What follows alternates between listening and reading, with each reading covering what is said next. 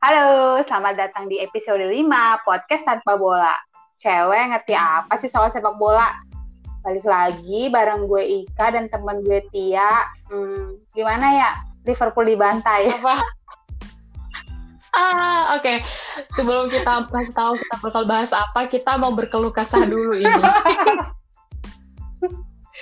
Sumpah, lu gimana Mbak? Apakah sudah cukup mual-mual keluar dari gua? Uh, oh ternyata di Goa tuh udah ada fans MU kan. Jadi goanya kita sekarang tuh, sedang bergandengan tangan dengan MU. Iya, iya. Jadi goanya tuh udah lumayan dibersihin sama mereka ya.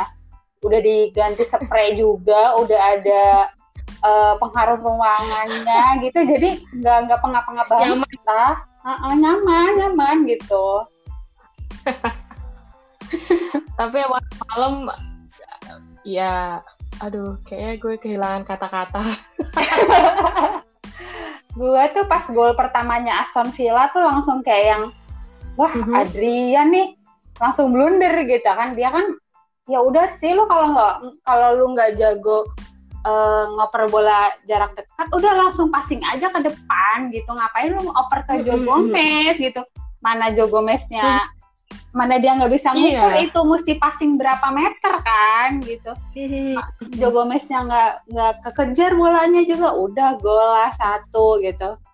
Gol kedua hmm. gol kedua tuh aku kayak ngelihatnya sedikit offside sih. Cuma ya emang dikit banget tipis banget lah. Mungkin kalau dicek VAR hmm. juga jadinya nggak offside sih. Terus habis itu wah udah habis itu uh, posisinya Tran itu udah dieksploitasi habis-habisan itu sama Aston Villa parah. Dia kayak gak bisa banget ini. Nah. Makanya kadang mereka apa ya si Ad Adrian ini kadang kayak overconfidence gitu loh mbak. Uh, overconfidence sih enggak. Justru aku ngeliatnya malah dia enggak enggak pede sama sekali malah. Iya, ini ya ada ininya ya nervous atau iya iya kayak kayak ragu gitu kayak nggak tahu beban nggak tahu beban main di klub gede nggak tahu ama emang uh-huh. ya dia tuh sebenarnya sama Ellison tuh jauh gitu levelnya gitu uh-huh. jadi terus ditambah uh-huh. belakangnya tuh kayak yang nggak pede gitu loh aduh kiper gue Adrian lagi nih bukan Ellison gitu jadi kayak ya, uh, jadi sama-sama kalau saling mengkhawatirkan ya satu sama lain oh, uh, gitu terus pas pas posisinya pas uh, posisi kanan ini dieksploitasi abis-abisan sama Villa nggak tahu kenapa klub tuh nggak mau yang ini siapa nih yang mesti gue ganti buat nge-backup tren? gitu. Kayaknya nggak ada gitu loh. Sampai mm-hmm. kedua akhirnya masukin Minamino kan. Itu sih lumayan mm-hmm. tapi tetap aja tuh nggak ngefek tuh. Udah kalah semua sih udah semua lini kalah sih jadi. Iya kayak buntu semua ya gue lihat iya terus kayak biasanya biasanya Bobby itu dribblingnya bagus, passingnya juga bagus. Semalam ini kenapa sih? Jujur, lo tiga besar deh siapa yang bikin gue kecewa. Kalau gue ya pertama Adrian, terus Gomez, kemudian Bobby. Gak tahu oh, kenapa. Itu, itu, itu kata gue harusnya mungkin orang pertama yang diganti itu sebenarnya Bobby sih. Karena dia, apa ya? dia biasanya kan nyoling antara tengah dan depan ya. Nah semalam hmm. tuh dia tuh kayak ragu nih mau gue passing apa syuting dia nggak nggak bingung gitu oh, Iya bingung, gak, gak tahu, gak tahu semalam gue benci banget sama Bobby. Terus gue tuh udah ngarep, gue tuh udah ngarep ini kalau Hendo dimasukin, ini nih ada ruang terbuka nih enak nih gitu. Seenggaknya tren hmm. juga ada nge-backup gitu kok klub hmm. nggak masukin Hendo? Apa karena masih cedera ya? Juga nggak tahu jadi mungkin tapi dia udah di bench ya waktu kemarin ya semalam ada ya. ada udah ada hmm. gitu. Cuma gue pas pas udah mulai pas uh, udah tahu ini nggak mungkin menang nih udah nggak mungkin menang gue udah mulai yang lima dua tuh gue udah udah yang udah pesimis nih. Ini nggak mungkin menang nggak mungkin menang. Dan gue tuh senang banget pas Ross Bakley ngegolin gue gak tau kenapa. Mm -hmm. soalnya kan dia udah nge-shot berkali-kali kan. Shot iya, berkali-kali iya. shot berkali-kali. Oh. nggak masuk. Dan nggak masuk. Sampai akhirnya gol. Dan akhirnya ya Ross Bradley aja bisa ngegolin. Oke. Udahlah lu lu mang tegak bisa ngegolin ya? Iya gue malah nunggu dia ngegolin loh serius. Karena emang wah shot on target Iya. semua. Nih Mm-mm. ya ampun. Aduh kelambat sama nggak tahu. gue pikir tuh dulu tuh kita kalah 1-6 sama Crystal Palace tuh udah yang paling jelek gitu ternyata ada yang lebih jelek lagi Ya gitulah ya Premier League unpredictable lagi-lagi. iya iya tapi gue tuh di sisi lain tuh ngerasa seneng tau ya kita tuh kalah Kenapa jadi ada bahan evaluasi ya? Ah, enggak, gue tuh ngerasa semenjak semenjak juara Premier League ya. Terus kita kan Mhm. Eh, posisi satu sama duanya musim lalu tuh lumayan jauh ya, 18 poin kan pas juara Mhm. gitu. Jadi gue ngelihat di luar sana tuh fans Liverpool tuh songongnya bukan main. Serius. Oh ya langsung, iya langsung kayak berasa ini ya dewa gitu ya. Iya, iya. Ah, musim depan kecil nih, kecil nih gitu. Jadinya kayak gitu. Walaupun Mhm. eh, gue juga gue juga pas eh, kebijakan transfer keluar kayak ya gue pikir bakal beli siapa bakal beli siapa ya walaupun gue udah seneng Hmm. beli Thiago sih tapi kayak kayaknya butuh back deh kayaknya butuh backupnya Alisson deh gitu Mhm. Iya betul banget. nah terus pas kalah tuh gue ngerasa ya itu itu tuh fans fans Liverpool yang songong itu lu harus belajar gitu bahwa kita juga bisa dikalahin dan gede Iya. kalah Iya, maksud gue, makanya gue kemarin juga uh, apa belajar untuk menerima ya siapalah kita kan ya kita bukan dewa-dewa banget jadi kalah ya wajar lah ya gitu deh untuk menghibur diri gue jadi kayak ya udahlah gitu. Tapi tetap bikin gue uh, ini asam lambung. Kalau gue sih kalau gue sih nggak asam lambung sih. Apa? Gue nggak asam lambung sih sama sekali kayak ya udah gue seneng aja oh ternyata ini loh pasti kita tuh bisa loh Buat- dikalahin gitu Uh, uh, uh.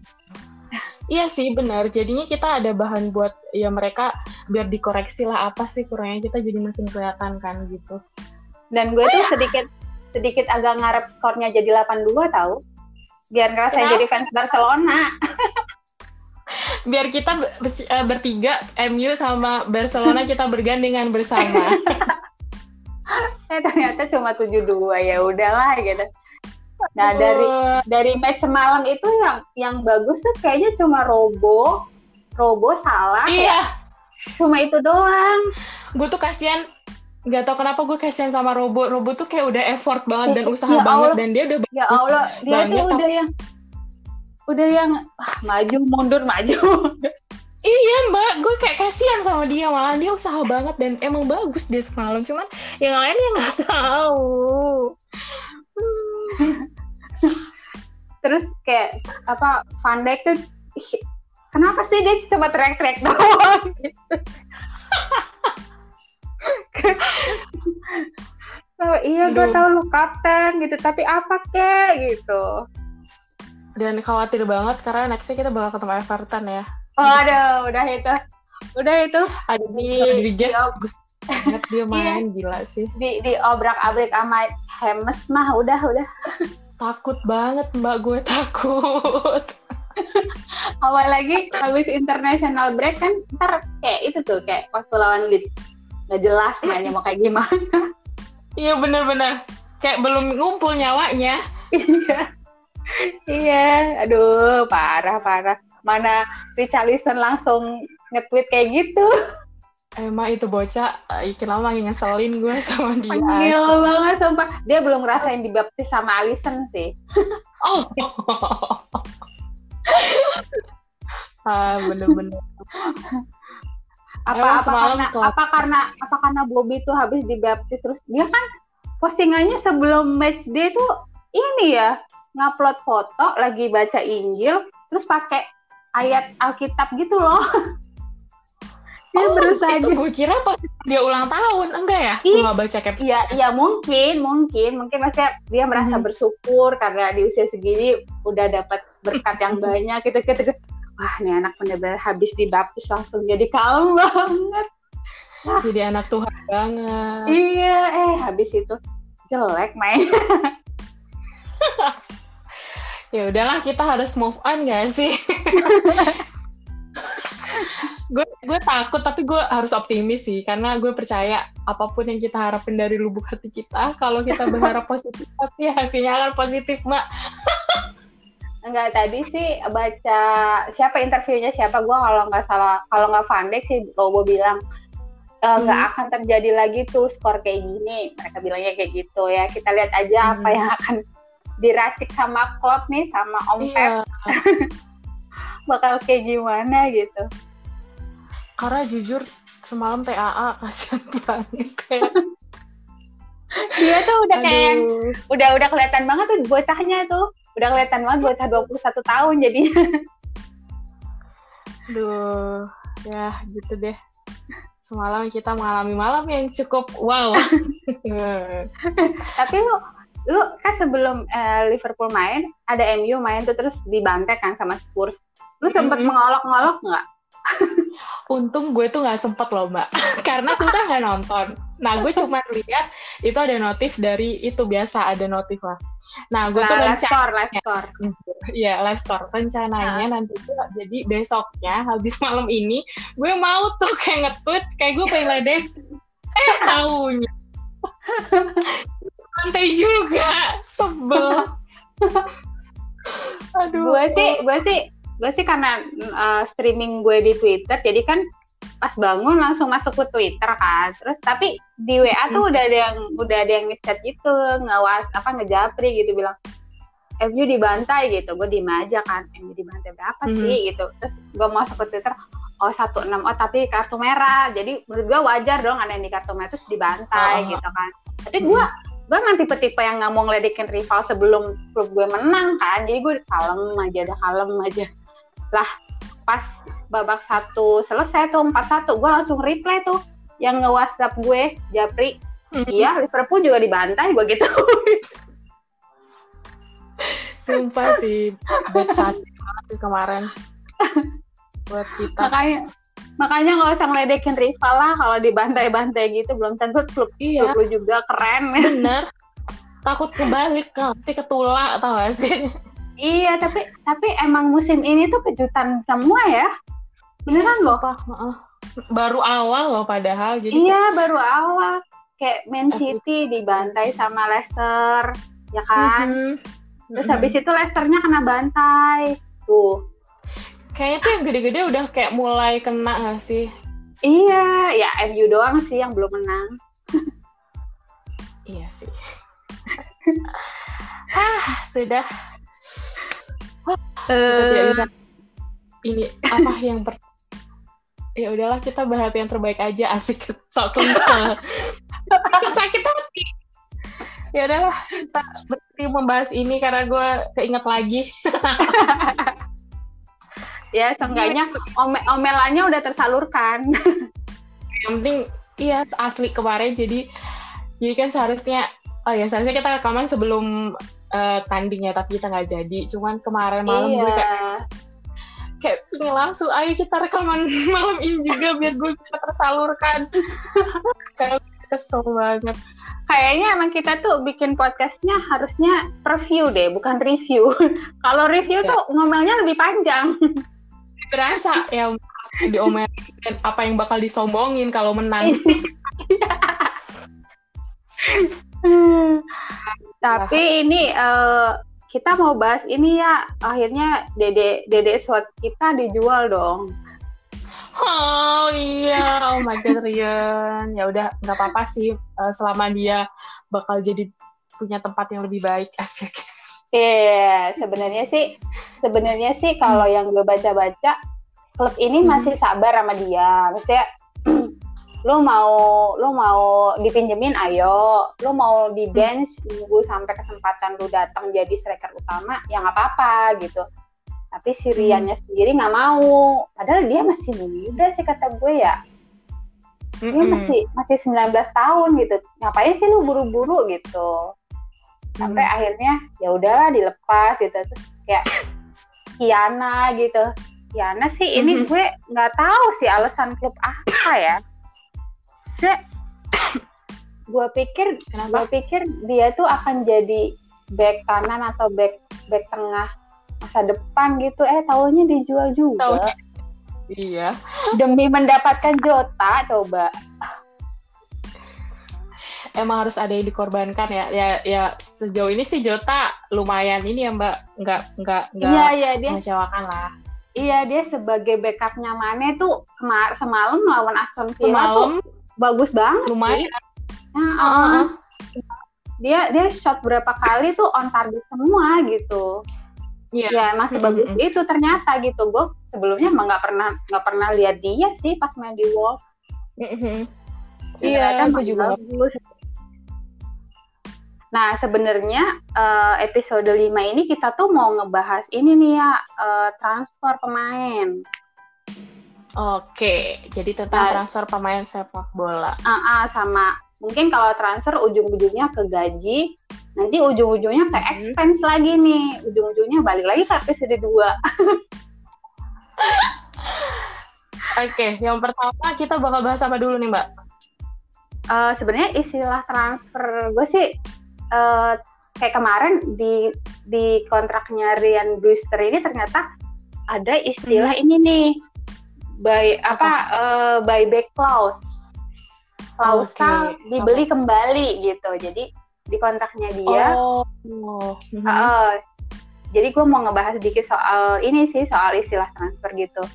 Jadi kalau kalau di kontraknya Ryan Brewster nih tiga tahun ke depan dia itu bisa dibeli lagi sama Liverpool gitu kalau Liverpoolnya mau gitu dan gue Oke. ngelihatnya gue ngelihatnya tiga tahun ke depan tuh kan kayak si Mane, Salah, Firmino kan udah 30-an lebih tuh nah mungkin Mhm. mungkin dia jadi punya tempat walaupun pas balik dia saingannya bakal ketemu Jota, ketemu Minamino dan ketemu yang lain-lain sih gitu tapi mungkin mungkin ada kesempatan gitu.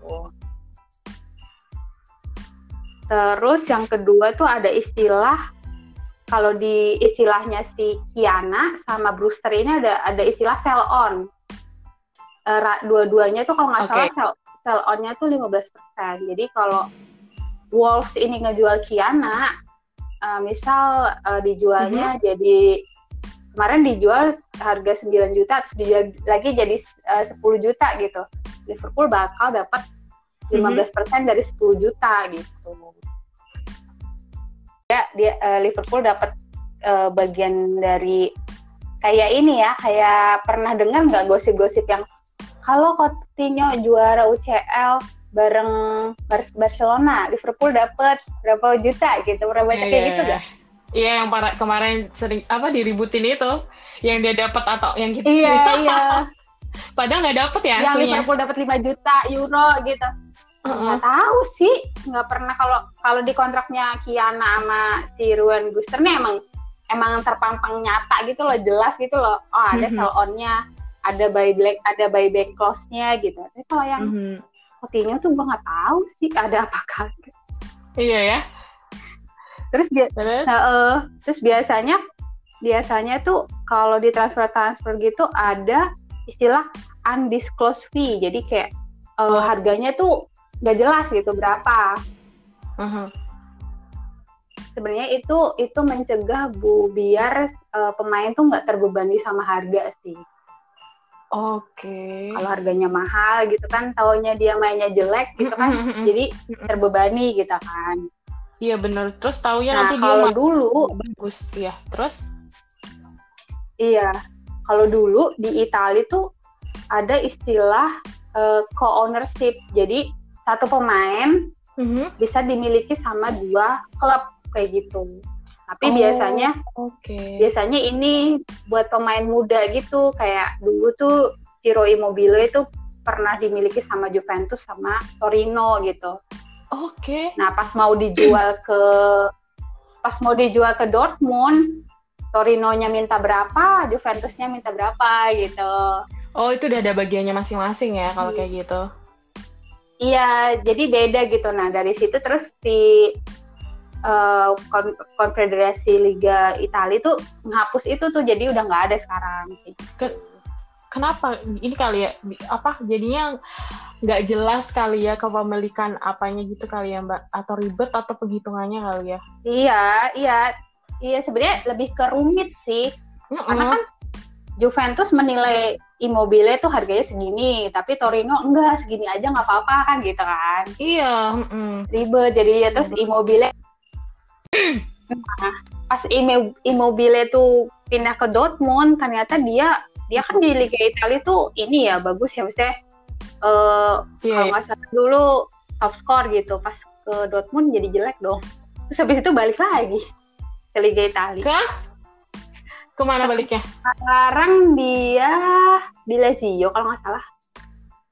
Hmm kadang gitu ya mbak ya. Kadang mungkin beda liga itu beda apa uh, modelnya atau segala macam ya bikin malah jadi nggak bagus gitu kan. Iya uh, terus um, istilah berikutnya tuh ada third party gitu kayak atau pihak ketiga. Itu tuh dulu uh, kasusnya okay. tuh bukan kasus sih contohnya tuh ini waktu Mascherano dibeli West Ham jadi dia kan okay. dulu klubnya tuh Corinthians gitu nah si Corinthians ini kan dimiliki sama perusahaan.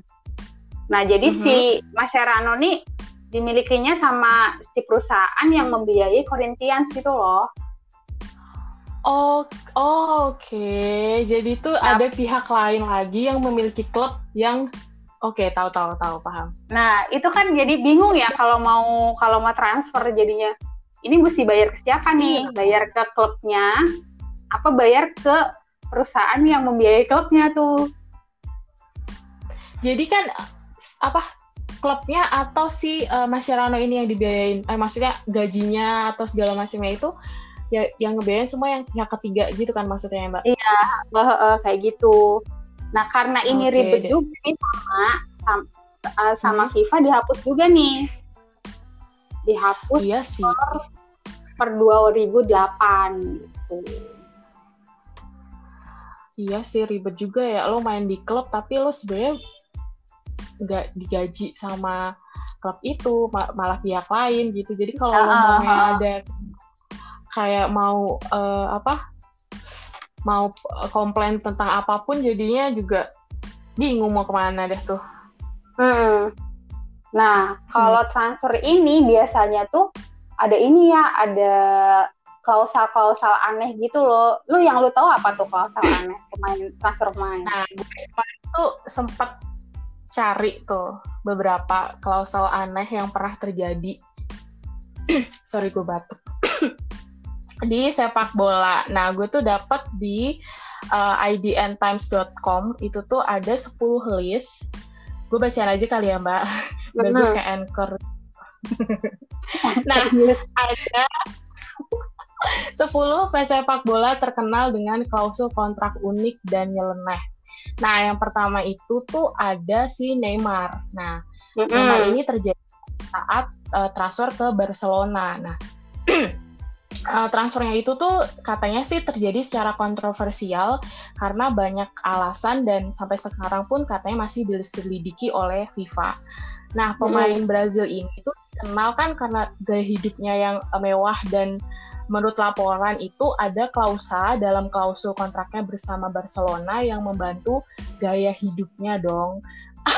Nah, Dan jadi uh, ya klausul jadi, ini tuh memungkinkan ya teman-temannya dari Brazil untuk mengunjunginya setiap dua bulan sekali dan yang bayarin Barcelona.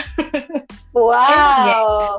eh, jangan-jangan di PSG juga kayak gitu. Secara dia kayaknya tiap berapa bulan sekali apa? cedera gitu apa apa dia alasan aja mau iya. party party sama teman-temannya kan bisa aja kayak gitu ya apalagi PSG banyak duit ya hmm, duitnya nggak berseri itu nah, makanya nah selain itu tuh ada juga nih mbak klausul dia yang aneh jadi dalam kontraknya itu uh, Barcelona akan memberinya 2 juta pound sterling jika dia tidak membatah pilihan pelatih mengenai posisinya di lapangan Wow.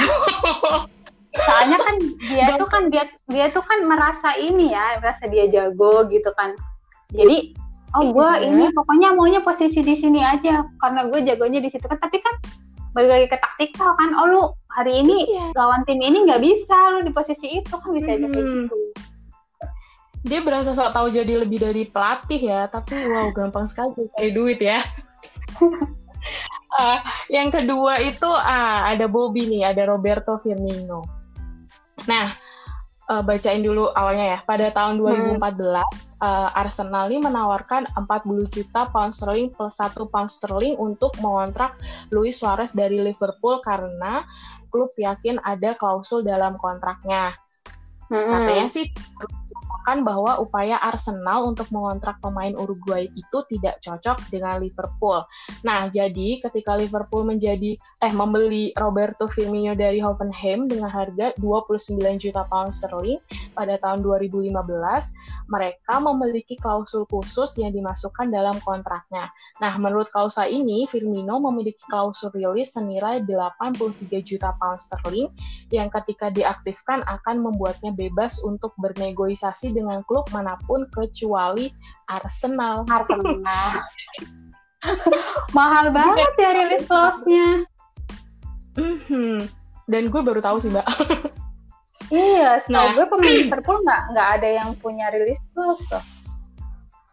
Iya ya. Mungkin iya, nggak tahu sih. Tapi nggak tahu ya. Dan nomor tiga itu ada Radamel Falco. Mm-hmm. Nah, pada tahun 2000 2014, Radamel Falco menandatangani kontrak dengan Manchester United setelah absen dalam Piala Dunia FIFA 2014 karena cedera lutut serius yang ia alami saat bermain untuk AS Monaco. Nah, meskipun Manchester United hanya meminjam striker Kolombia tersebut, nah mereka nih waspada dengan cederanya dan ingin memastikan bahwa mereka tidak harus membayar gajinya sepanjang tahun jika cedera lutut itu kambuh. Nah, jadi uh, eh, MU ini memiliki klausa yang dimasukkan ke dalam kontraknya yang memungkinkan mereka mengirim Radamel Falco kembali ke AS Monaco jika cedera lututnya kambuh. Wah, masuk akal sih masuk akal. Ini ini kalau kalau pemain Liverpool siapa ya? Oh, misal Adrian blunder gitu, balikin ke klubnya ya, tapi kan dia free agent pasti beli ya. dan dan kalaupun blunder itu kayak hmm, kayak nggak bisa diprediksi juga nggak sih? kalau cedera oke okay lah. Nggak ada di Liverpool nggak ada pemain pinjaman sih. Ya beli yeah. semua. Iya semua emang. Nah, selanjutnya ada Ronaldinho nih.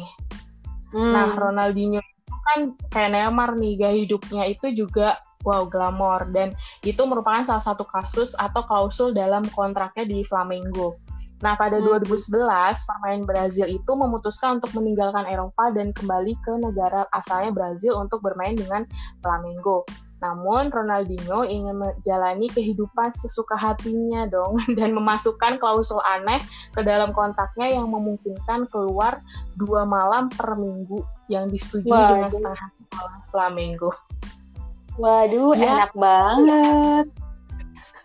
Makanya kalau udah kalau emang udah apa hobi? Jago. ya susah harus iya jago juga ya. Klubnya iya ya aja kan gitu.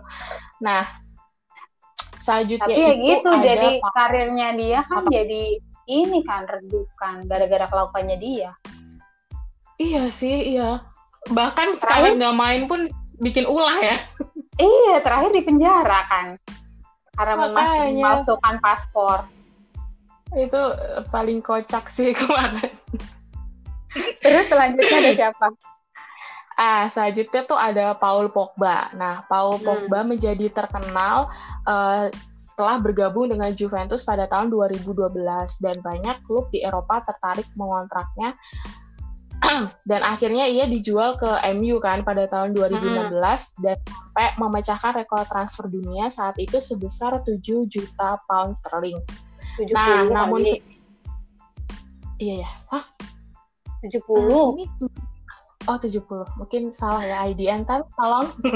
nah, namun uh, ketika Pogba masih di Juventus, jadinya klub ingin mempertahankan uh, selama mungkin dan masukkan klausul pelepasan senilai 55 juta pound sterling selama perpanjangan kontrak pertamanya. Mm-hmm. Karena Juventus pada terhadap PSG yang memiliki uang sebanyak yang sangat banyak, jadi jika mm-hmm. klub Paris ini ingin merekrut uh, ingin merekrut Pogba, maka mereka harus membayar uang tambahan sebesar 8 juta pound sterling. Wah, kecil banget. PSD. ya cuma uang tambahan kali ya buat nakut-nakutin tapi kayaknya PSG nggak takut segitu doang nggak takut itu mah ya elah Neymar yang 200 juta jadi beli Mbappe Mbappe berapa itu dibeli juga ya, ya. Nah selanjutnya itu ada ada Chamberlain dong ternyata. Nah. Oh ini ini seru nih. Ini gue udah udah baca nih. Cukup unik sih. Nah uh, Chamberlain bergabung dengan Arsenal pada tahun 2011 dan menikmati musim debut yang hebat bersama The Gunners yang membantunya mendapat tempat skuad di Euro 2012 Inggris. Nah, terlepas dari penampilannya bagus untuk Arsenal, ia sering digunakan sebagai pemain pengganti di akhir pertandingan yang banyak membuat para penggemar kecewa. Nah, ternyata ada alasan mengapa Arsene Wenger menggunakan pemain Inggris sebagai pengganti. Nah, karena di kontrak Chamberlain di Arsenal, klubnya harus membayar 10.000 pound sterling kepada mantan klubnya yaitu Southampton setiap kali bermain 20 menit atau lebih. Jadi apabila Arsenal menemukan Chamberlain di awal laga atau bermain lebih dari 20 menit, maka Arsenal harus membayar sejumlah uang untuk Southampton. ini uh, ini ini Southamptonnya yang kebangetan sih. Iya, Southamptonnya kayak gagal move on jadinya. Ya udah sih, kenapa masih mau berurusan gitu kan? Nah, tapi emang dulu Ox itu selalu main di menit 70-an ke atas sih pas awal-awal di yeah. Arsenal. Ternyata itu ya mm -hmm. kalau Ternyata di balik itu ada ini ya, ada ini. Nah, selanjutnya ada Luis Suarez. nah, ini ini paling unik. nah, Luis Suarez ini uh, adalah pemain sepak bola yang luar biasa dan telah mencapai banyak hal di lapangan. Wow, bagus banget kata-katanya. Namun, ia akan selalu diingat karena perilakunya yang kontroversial yaitu menggigit pemain lawan ya. Kalian mungkin udah tahu kali ya. Nah, setahun sebelum Barcelona mendatangani pemain Uruguay, ia menggigit Branislav Ivanovic dari Chelsea dan beberapa minggu sebelum bergabung dengan klub, ia menggigit Giorgio Chiellini dari Italia. Jadi, ketika Suarez bergabung dengan Barcelona, ia menjalani larangan bermain sepak bola selama empat bulan. Nah, untuk memastikan bahwa dana besar yang mereka keluarkan tidak menyebabkan mereka rugi dengan bila jadinya ada larangan untuk tidak boleh menggigit lagi. Jadi, Barcelona memiliki klausa yang dimasukkan ke dalam kontraknya yang menghentikannya dari menggigit pemain dan jika dia melakukannya akan ada konsekuensi yang harus diterima ini makanya, paling unik sih. makanya kemarin pas pas mau gabung ke Juventus kan gue mikir wah mm -hmm. ketemu Cielini ini gigit-gigitan ya wah wah pantesan gak jadi. Iya pantesan gak jadi terus akhirnya ke Atletico kan. Makanya jangan-jangan gara-gara ini Cielini mohon-mohon tuh sama pemiliknya. Jangan aku mohon aku trauma katanya gitu nah, yang terakhir ada Dennis Bergkamp. hmm. Jadi Bergkamp ini adalah mantan super, superstar Arsenal dan dia memiliki fobia terbang. Jadi ketika dia menegosiasikan kontraknya dengan The Gunners, dia memasukkan klausul klausul untuk mengatasi fobia ini. Nah, menurut klausul ini, Bergkamp tidak harus bepergian dengan tim Arsenal dalam perjalanan di mana tim menggunakan pesawat terbang sebagai alat transportasi. Susah ya sekarang kayak ke mana-mana pakai jet pribadi ya nggak sih? Enggak berarti dia kalau misal nih Arsenal uh, main di Liga Champions terus ketemunya sama hmm. tim Italia berarti dia pakai kereta bawah tanah udah. Nggak usah pakai iya, iya. oh iya, di sana di sana deket ya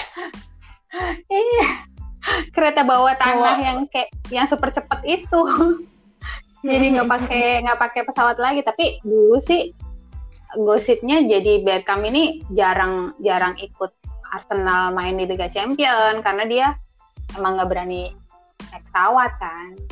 Hmm, emang sih kadang fobia ada sih mbak yang fobia kayak gitu kan bahkan mm-hmm. sampai bener-bener nggak berani sama karena takut sama ketinggian. Nah daripada lu bawa dia paksa naik pesawat terus besoknya malah pingsan nggak jadi main ribet kan. Nah, itu hmm. tadi ada beberapa klausul yang menurut aneh dari yang aku cari.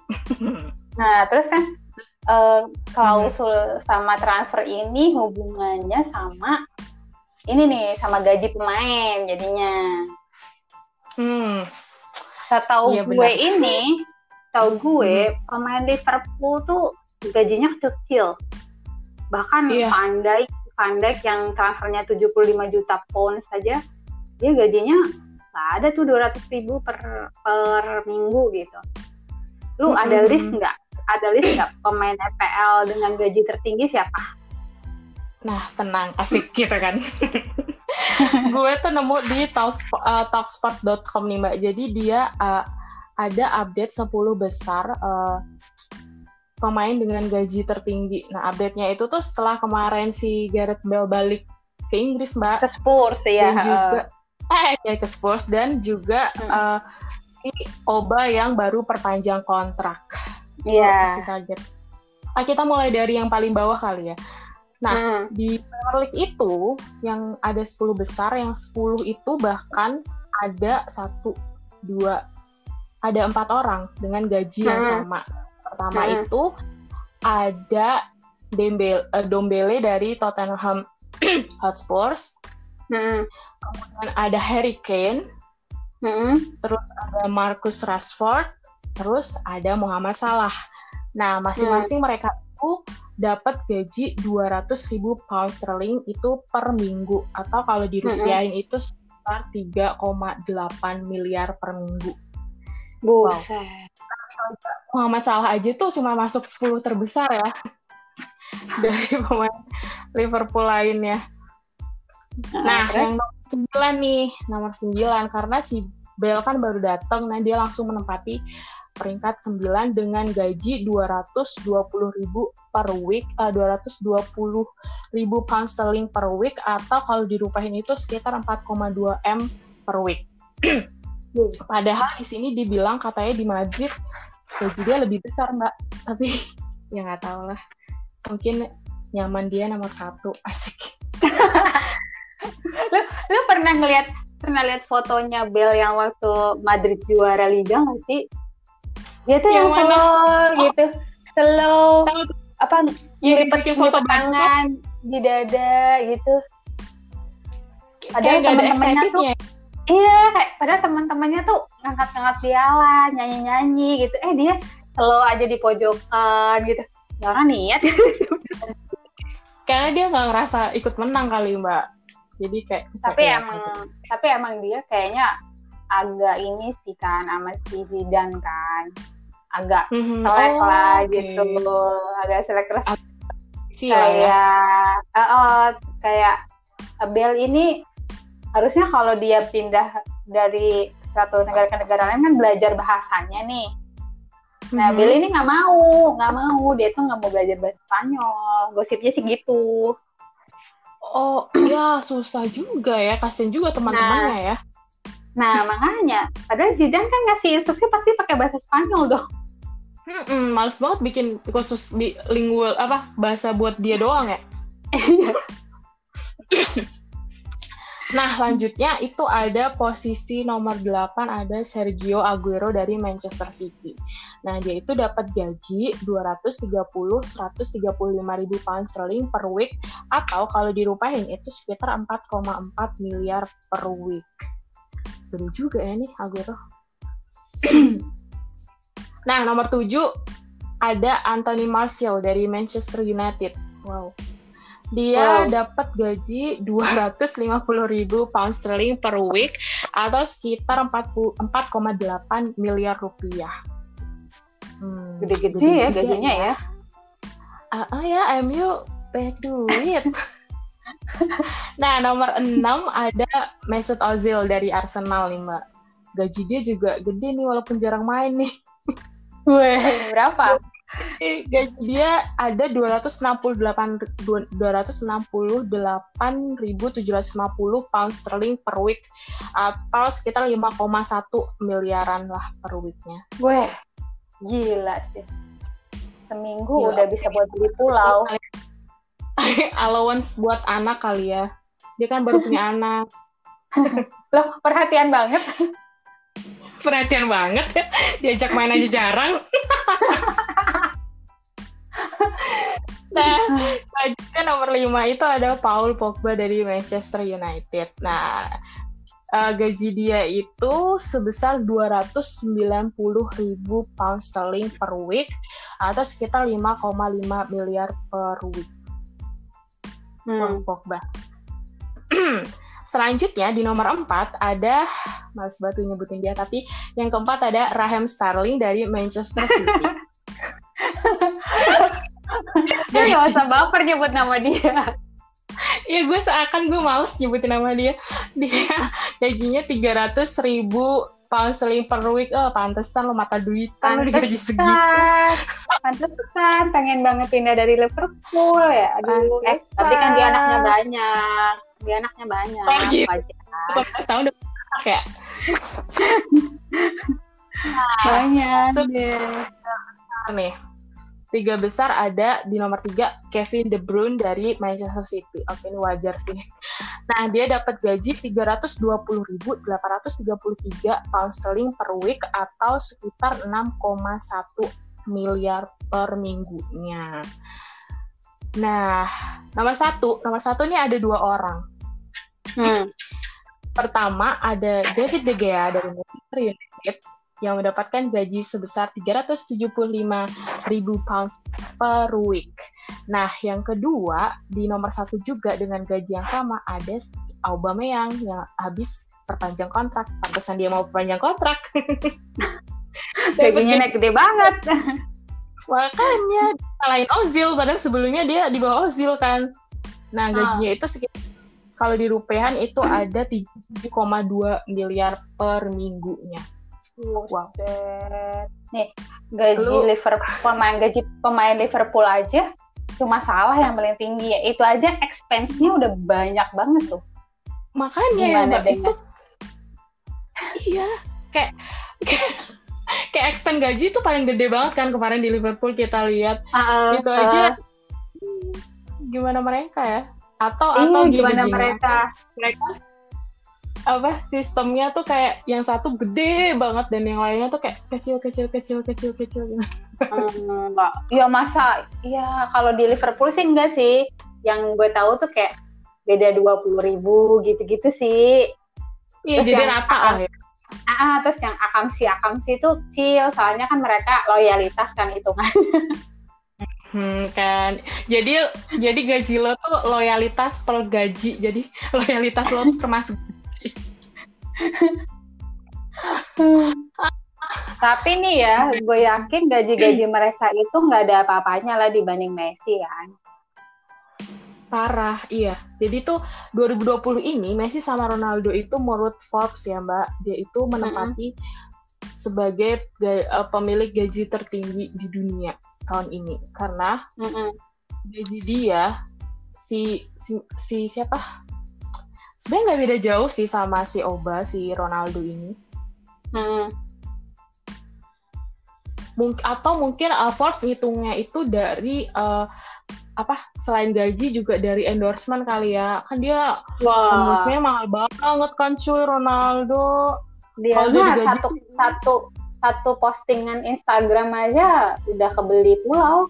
Maka makanya cuy mungkin di situ dia dia apa mahal banget gajinya. Padahal sih gaji dia itu cuma 360 ribu pound sterling per weeknya. Itu sebelum bonus katanya.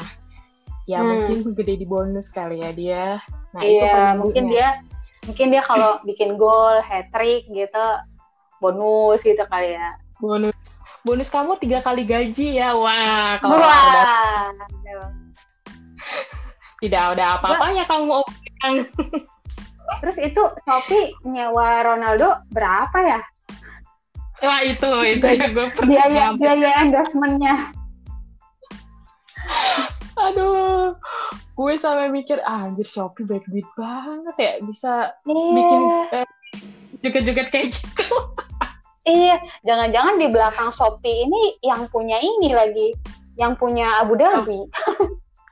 bisa jadi oh mungkin ya mungkin investornya ada yang dari sana iya nah, jadi Ronaldo oh, gue nggak mau tahu ya pokoknya pokoknya Ronaldo pokoknya yang jadi bintang iklannya Shopee gitu ya gue gak mau tahu pokoknya gue harus mau Ronaldo gak yang di Shopee pip pip pip gitu ya Allah gue beli sih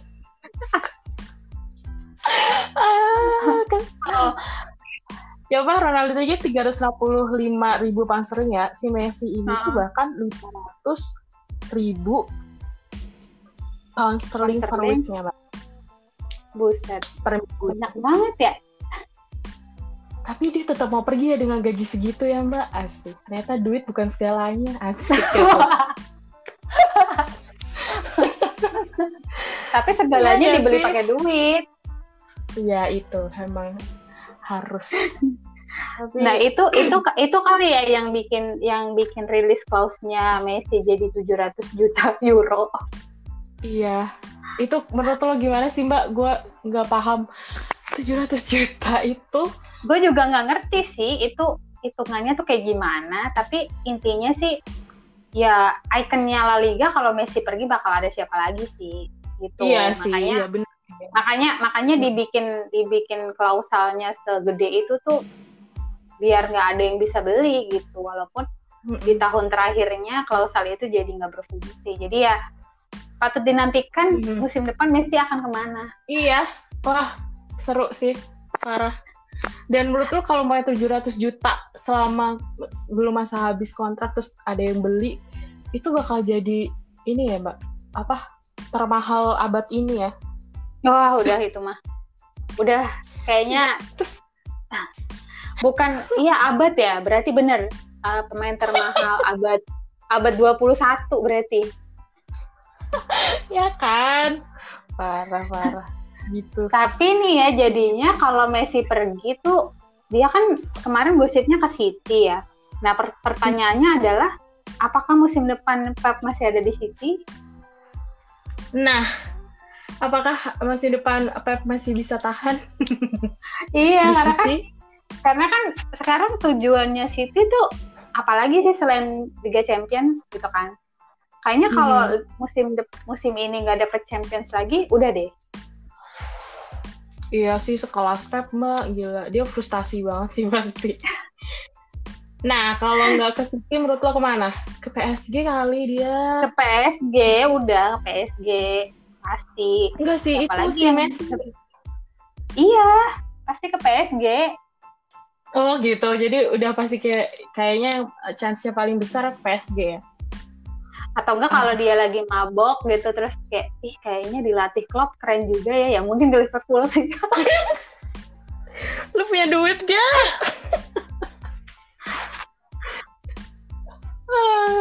Tapi kalau dia jadi ke PSG beneran sih mbak lo kayak takut ya PSG bakal ah sudahlah. Memang aku tidak bisa mendebat sama yang banyak nggak duit. tahu deh ya itu tadi ternyata Messi gajinya banyak banget ya Iya. Harus dibayar dengan mahal. Tapi semoga dia uh, tahan ya setahun ini jadi bisa free transfer. enggak kalau kalau dia pindah klub gitu terus gajinya dia tuh bakal berapa lagi gitu Iya, kan katanya nih kayak katanya nih anak milenial sekarang kalau pindah ya harus dapat yang lebih baik. Apakah Messi milenial seperti sekarang? tapi dia kena ini gak sih ya kena apa tuh namanya istilahnya yang eh, Apa? eh, pe- penyusutan Hmm. Kamu buat kau mikir. Harus nih setiap tahun pasti disusutin dia. Nah iya, jadi kan nggak mungkin dong pas pindah gajinya jadi 600 juta, 600 ribu pound sterling.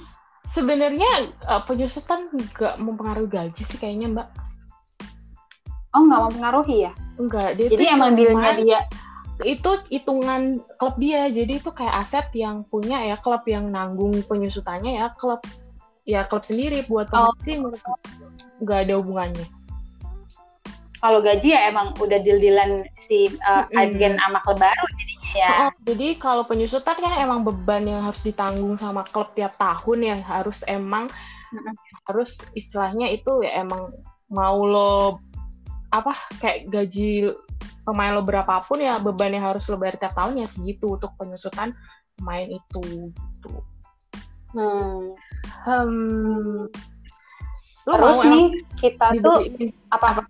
enggak lu mau emang dibeliin Messi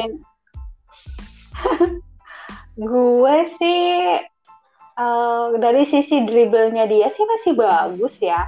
Jadi Iya. kalau kalau kalau kalau ketemu tim-tim yang parkir bus gitu, kayaknya asik banget gitu punya dia gitu. Punya Mm-mm. dia disupport sama sama Tiago gitu. Kayaknya asik banget gitu.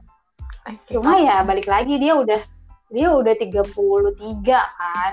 Mhm. 33 ya nggak tahu sih kalau di dia masih Parah. kuat menghadapi eh apa adu adu body gitu sedangkan Thiago kemarin pas lawan Chelsea Mhm.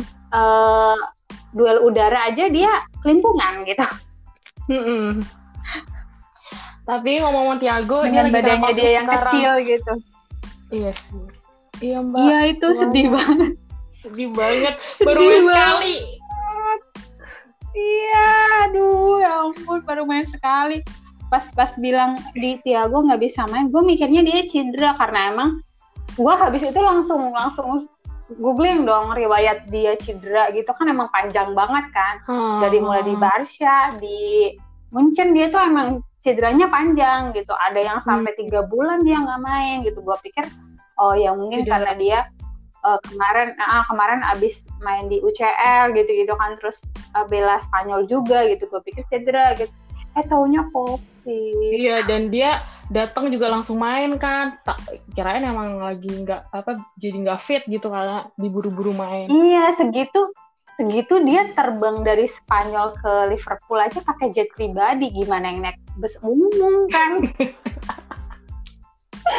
Bener banget dan padahal chance buat ketularannya tuh kayaknya sedikit banget ya karena di sana pasti protokolnya udah ketat banget pertama apalagi sama iya. aturan sekarang.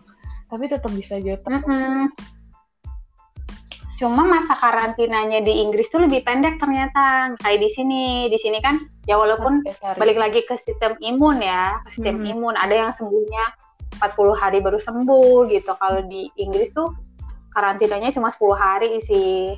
Mm-mm. Dan kalau umpamanya dia bisa Jadi- sembuh kalau kurang dari 10 hari, dia masih boleh atau tetap harus ngikutin 10 hari? Tetap harus ngikutin 10 hari. Oh iya, Tuh. tetap ya. Jadi kemarin tuh gosipnya, gosipnya tuh yang di tes positif tuh kan ada gosip-gosip tuh Tiago sama Alisson nggak main gitu kan waktu lawan Iya. Arsenal. Nah itu tuh gosipnya si, si dua orang ini di swab pertama tuh positif, Oke. swab lagi, swab lagi, Tiago positif, Alissonnya negatif gitu Oh, ceritanya makanya Alisson bisa main lawan Arsenal. Mhm. karena pertama banget habis main habis uh, main itu emang yang pertama dikeluarin itu si Thiago sama Alisson yang katanya bakal absen ya, yang ternyata Iya karena cuman si Thiago-nya. Uh-uh, karena gue lihat di foto-foto biasanya kan kalau habis training ada foto-foto tuh nyebar tuh di Twitter, di sosmed gitu kan. Mhm. Itu tuh emang Thiago sama Alisson tuh nggak nggak ada tuh di latihan hari Sabtu. Kan kita ketemu Arsenal hari Senin ya. Mhm. Itu latihan hari Sabtu tuh nggak ada dua orang itu nih ke mana nih gitu. Gue udah yang udah yang mikirnya aduh ketemu Arsenal nggak ada Thiago gitu kan. Dan nih mau ngandelin siapa ini gitu kan. Bener dong ada gosip ada gosip mereka berdua nggak main gitu kan Mhm. terus wah apa nih Thiago masa cedera Alisson ya masa cedera lagi awal Iya. musim lalu juga dia cedera kan sama gitu eh ternyata covid Dan Ya ditambah. Mane juga, aduh, Mane ya ampun sumpah. jadi jadi kepikiran nih jangan-jangan berhenti lagi liganya gitu tapi Iya sih. kurvanya tuh lagi kurvanya lagi naik banget tahu di Inggris tuh Mm, Kayaknya itu lagi ya karena ini kembang dua ya. Iya, iya di Inggris lagi gelombang dua, jadi emang tinggi banget gitu. Nah kemarin tuh sempet yang gue baca tuh eh, dulu waktu waktu pandemi menyerang bulan Februari Maret Mhm. kan sempat ada wacana kalau main lagi eh, bakal pakai sistem poin per game gitu. Jadi main kayak kayak UCL gitu loh ya, main di satu tempat Oke. ketemu terus poinnya tuh nggak yang menang tiga poin tapi yang menang satu poin gitu. Oh oke, okay. oh gitu, oh iya. Jadi, uh, uh, jadi jadi biar cepet kelar gitu liganya gitu. Nah kemarin tuh uh, gue baca-baca 75% pemegang saham itu udah setuju nanti kalau misal nih COVID ini bakalan uh, pandemi lagi gitu gelombang duanya gede banget gitu yang positifnya kemungkinan hmm. Liga Inggris akan kayak gitu hmm. akan jadinya main di jadinya, satu tempat nah jangan-jangan iya bakal kejadian ya iya kalau kayak gitu posisi sekarang Liverpool di posisi yang sekarang nggak iya. diuntungin kalau dulu posisinya udah iya. posisi iya. satu nih diuntungin banget itu emang ya selalu aja kalau kalau sekarang tapi kemarin tuh waktu habis kalah dari Aston Villa tuh orang-orang tuh pada udah hentikan liga sekarang langsung gitu lagi gini aja pengen berhenti dulu waktu tinggal berapa iya. poin menang lo ngebet banget pengen dilanjutin Emangnya manusia. Aduh. Iya. Berarti kita next lawan ya, Everton sama. tanggal berapa, Mbak? Abis uh, ini ya? Lawan Everton tanggal tanggal 17. Jadi minggu depan kita nggak ya? ada Iya, minggu nah, depan. minggu depan kan kita nggak ada nggak ada liga karena international break. Nah, ngeri juga nih international break kan pada balik ke negaranya nih. Iya, gue tuh paling eh, balik lagi, aduh.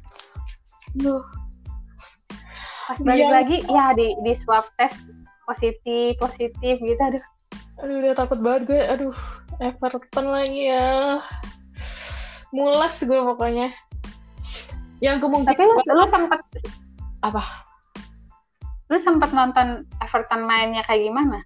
Enggak gue tuh cuma lihat highlight yang uh, si itu main doang mbak. Siapa yang baru?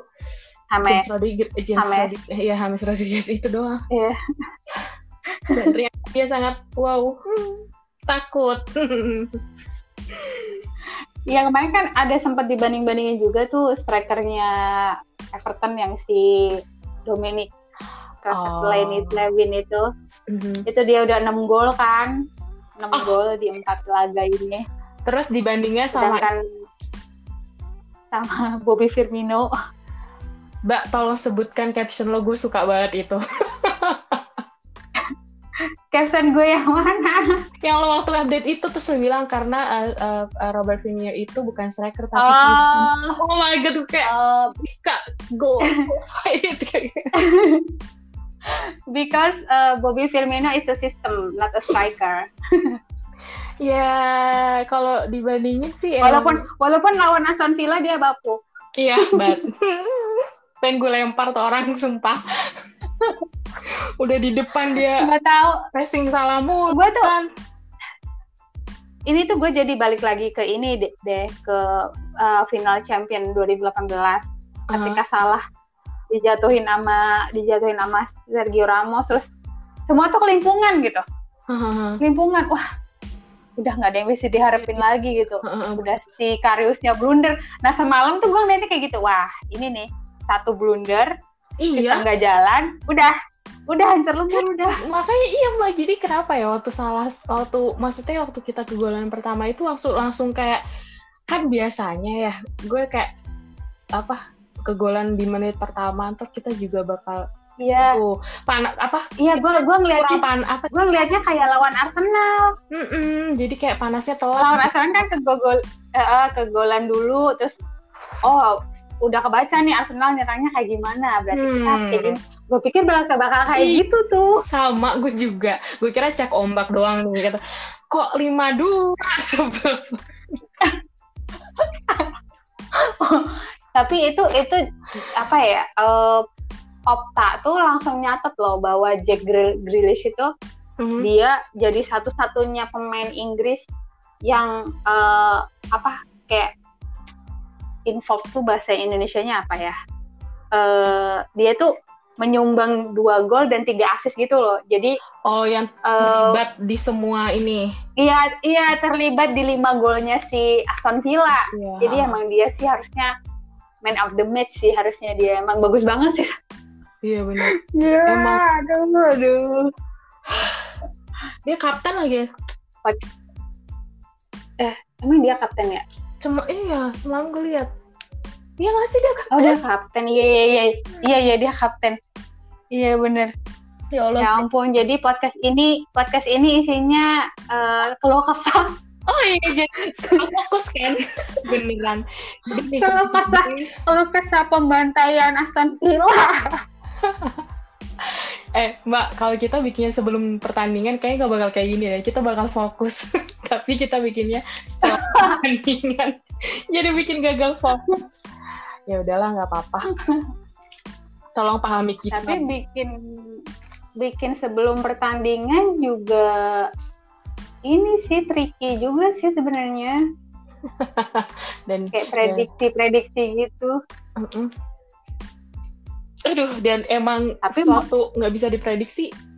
Premier apa? Premier itu sobat. Musim lalu tapi main di Villapak juga susah tahu iya loh. Udahlah. Musim lalu tuh ketinggalan dulu satu gol terus menit 80 baru nyaman kedudukan terus menit 90 tuh baru menang.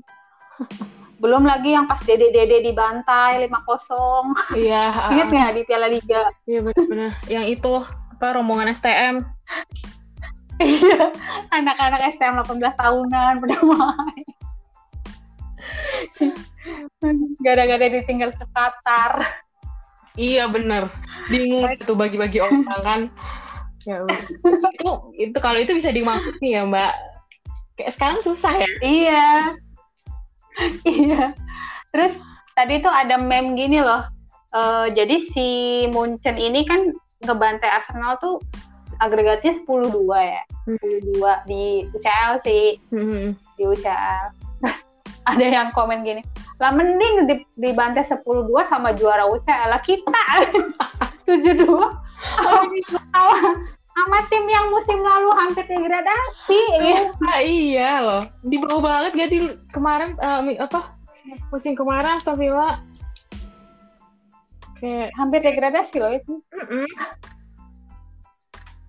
sama kagetnya waktu dikalahin Watford 3-0 sih Watford coba. Oh iya iya iya iya iya.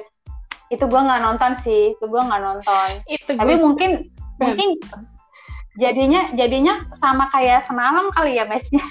Uh, uh, dan gue nyeselnya kenapa gue nonton mbak gue kemarin nggak nonton waktu di kalah Watford tuh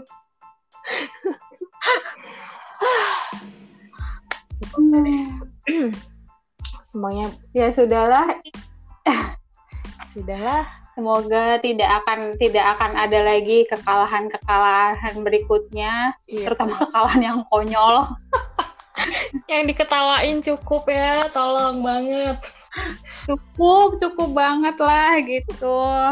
Ini tapi ya itu balik lagi gue seneng akhirnya Liverpool dikalahin gitu biar yang songong-songong di luar sana tuh. Iya. Tuh liatin tim kalian tuh bisa dikalahin kok. Iya, yang songong-songong denger deh, kalian tuh jangan berasa di atas ya.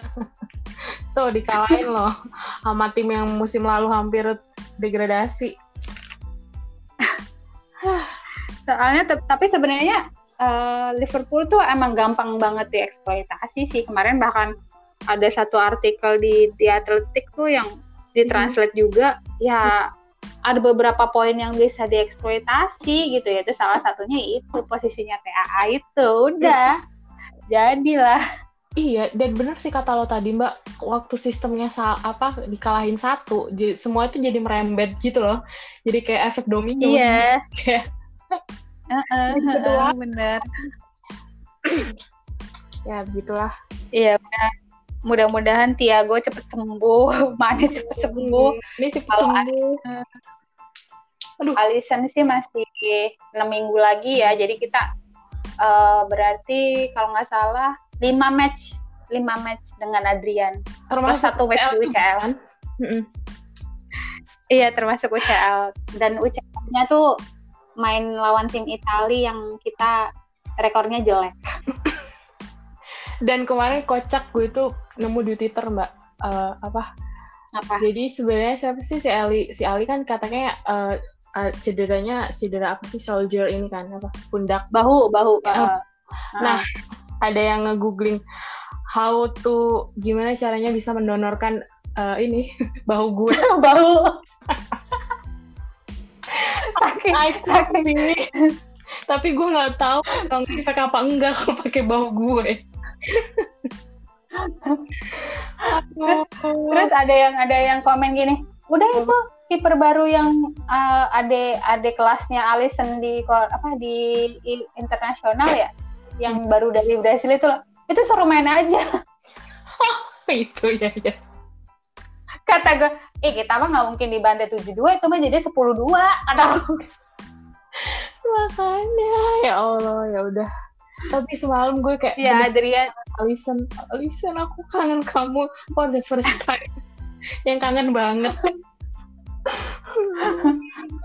Ya sebenarnya Adrian tuh bukan tipe tipe tipe goalkeeper yang beda gitu. Dia tuh bukan yang bisa baca game gitu iya. loh. Jadi dia tuh tipe stopper. Pas pas one on one kan dia bagus iya, kan? iya uh. Nggak tahu sih mbak dan menurut gue tuh gol yang kemarin Aston Villa punya tuh kayak bukan yang unpredictable banget gitu loh. Ya emang bisa di emang sistem. Uh -uh. iya. Udah bisa diprediksi. Emang kenapa nggak bisa di stop itu uh. yang gue kayak gitu. Ya udahlah mulu nih kita. Ya udah segini dulu deh podcast episode 5 isinya uh, nyinyirin. Coba episode selanjutnya kita happy. Isinya kalau kesah gara-gara dibantai Villa ya, pokoknya uh, semoga kalian menikmati ya keluhan kita Semoga uh, episode-episode berikutnya nggak ada lagi keluh kesah. Semoga iya. hasilnya positif semua. Iya, pokoknya kita uh, buat Tiago. buat Tiago, buat mana? Ayo buruan main lagi. Aduh. Aduh, kita gimana nih? Udah dulu kali ya. Mm, udah segini dulu. Kita ketemu di episode selanjutnya. Kita mau bahas apa lagi ya? Oh iya, lupa. Dong. Apa tuh? Iya. Apa tuh? Iya, kalau mau ada yang mau urun ide, kita mau bahas apa selanjutnya, bisa ke Instagram kita. Apa mbak? Oh, tapi lu ada yang ada yang suka urun ide di Instagram lu? ada, ada, ada apa sih mbak? Ada. Oh ada. Oh, kok gue nggak ada ya? Langsung kiri. Gue bilang ada tuh cuma satu mbak. Kayak gue bilangnya beberapa. Biar kelihatan ada. Ya ayolah. Yang denger.